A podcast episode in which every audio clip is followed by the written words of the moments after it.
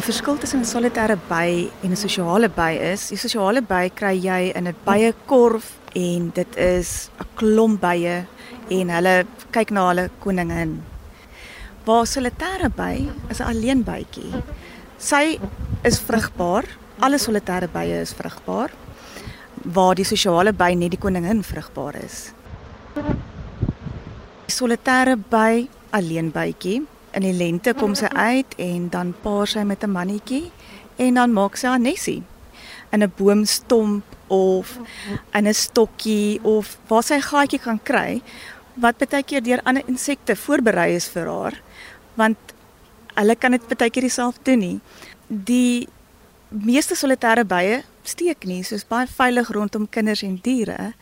Liesel van der Neever van Damascus, jy het nou gesê om jou punt te bewys van hoe belangrik 'n habitat vir 'n enkelby is en wat ons kan doen om hulle getalle sterk te help hou. Het jy gesê jy soek 'n stedelike tuin en jy, want jy wil nou wys hoe werk dit. Nou is ons hier in 'n stedelike tuin in Port Elizabeth in Kabega. Wat sien jy alles hier rondom jou? Oh, Daar's 'n suikerbekkie by die klip daar. Pragtig, né? Nee? En kyk al die solitêre bye rondom die suiker. Die suikerbekkie in die plant. Dis verskriklik mooi. Maar nou, dit is hier in die tuin loop, is in die middel van die stad in Port Elizabeth. En dis wat dit so uniek maak van solitêre bye. Hulle is oral besig om te pollinate. Daar is omtrent in Suid-Afrika meer as 1000 tipes solitêre bye. As jy net gaan sit en kyk na 'n blommetjie, wat hulle doen en die tipe wat jy kry, gaan sit net in jou tuin rustig met 'n koppie koffie of 'n koppie tee en kyk na die bye. Daar's ongelooflik baie. As ek sê 1000 en meer tipes in Suid-Afrika. Wêreldwyd is daar 20000 tipes, waarvan 90% solitêr bye is. Maar terwyl ons nou hier praat, val my oë op hierdie Balbonella blomme. Ja. En nou sien ek inderdaad daar's tot muskiete wat daar draai. Hier's daar's dis nie net baie wat bestuif nie, maar jy het laas toe ons gepraat het was sommer net so sommer in die verbygaan wat jy vertel het van die enkelbye en ek moet sê vandat jy dit gesê het, is my oë oop. Maar hoe kan die gewone mens hulle oë oopmaak en hoe kan ons die bye help? Die enkelbye, die solitêre bye. Wel ons kan vir hulle behuising gee. Ons noem dit die bee-hotel. Jy kan hom in jou tuin sit. Dit is veilig rondom kinders, dit is veilig rondom diere en jy kan jou kinders wys wat gaan in jou tuin aan want sonder hulle is ons niks. Hulle moet alles bestuif. As blomme nie bestuif word, kan hulle voortbestaan nie. Enige plant, enige groente, vrugte moet bestuif word.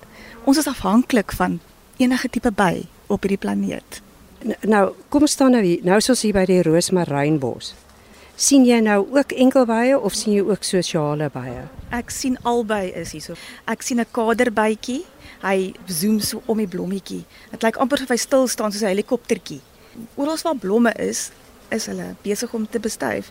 Maar ja, definitief, daar's 'n hele paar solitêre bye en sosiale bye.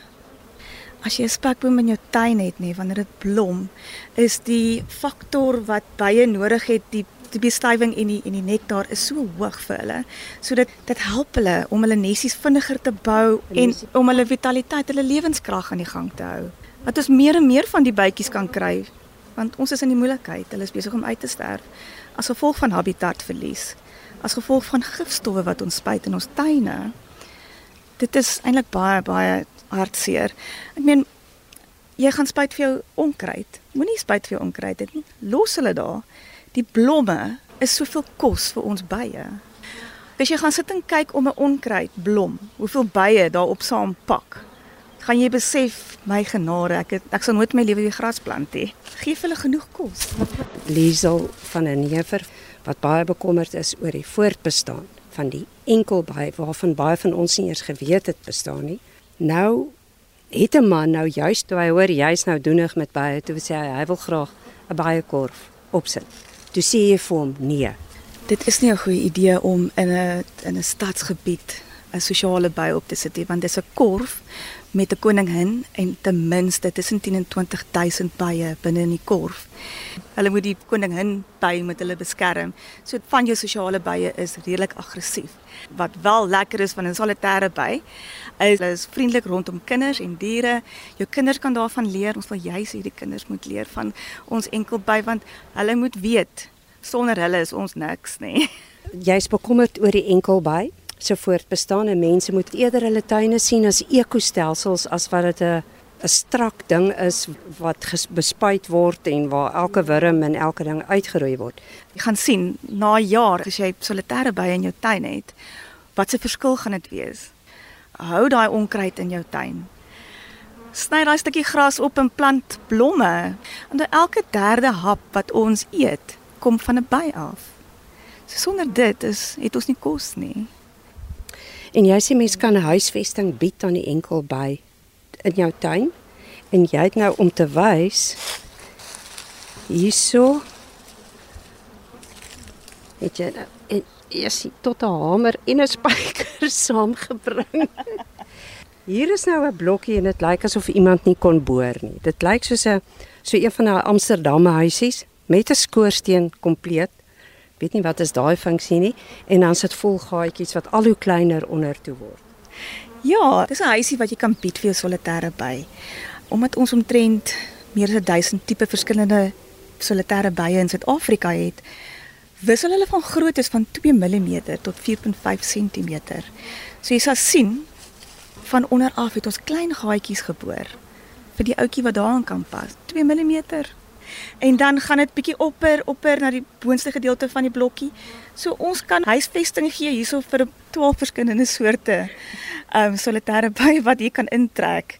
Maar hulle gaan net intrek vir die herfs en die winter. So ja, dis hoekom ons dit 'n hotel noem. Dis in en uit. Jy kan laat kinders kyk hoe hulle die gaatjies gaan volmaak met hulle eier. Hulle gaan hulle eiertjies lê daar binne en hulle gaan die gaatjies volmaak met styfmeel en nektar. En dan gaan hulle dit toemaak vir die winter en dan gaan dit reg wees by September om uit te groei. Goed. Nou moet ons 'n plek kry om hierdie hotel hier op te sit. Waar is Sit hom onder 'n dakkie waar die reën nie by, by dit kan uitkom nie of enige swamme blootgestel kan word nie. En hulle hou ookie van wind nie. So jou huisie moenie rond swaai nie. So hy moet op 'n perfekte plek wees waar die son hulle in die oggend kan wakker maak die son is 'n wekker vir hulle om wakker te raak. En dan raak hulle lekker warm dan begin hulle te werk. Dit is belangrik om jou huisie nie hoër as 1 meter tot 1.5 meter te sit nê. Want onthou as hulle begin werk die bytjies, al hulle kos is grondvlak. So jy wil nie hulle moet te veel energie gebruik om na hulle huisie toe te gaan op en af elke keer as hulle hom voorberei vir die winter nê. As jy nou 'n ideale plekkie het met 'n dakkie vir jou by jou hotel nie, maak enetjie Solank dit net droog is en windloos is, gaan jou bye baie gelukkig wees. As jy jou byehotel te hoog sit, soos meer as 1.5 meter, is die kans ook goed dat voëls hulle gaan vang. Jy sal sien is baie veilig as jy huis is eers toegemaak is en die eiertjies gelê en so voorts nou vir die winter, word dit so toegemessel met allerlei goed wat hulle gekry het in die tuin. Blaartjies, blomblare, dis waarmee die nesie gebou gaan word modder onder andere. Baie van die solitêre blye baie bly onder die grond ook soms. Ja. Ons gaan nou 'n hotel opsit. Ek kan sê jy's 'n hotel eienaar. Mense hoef nie te weet dis vir die enkel by nie.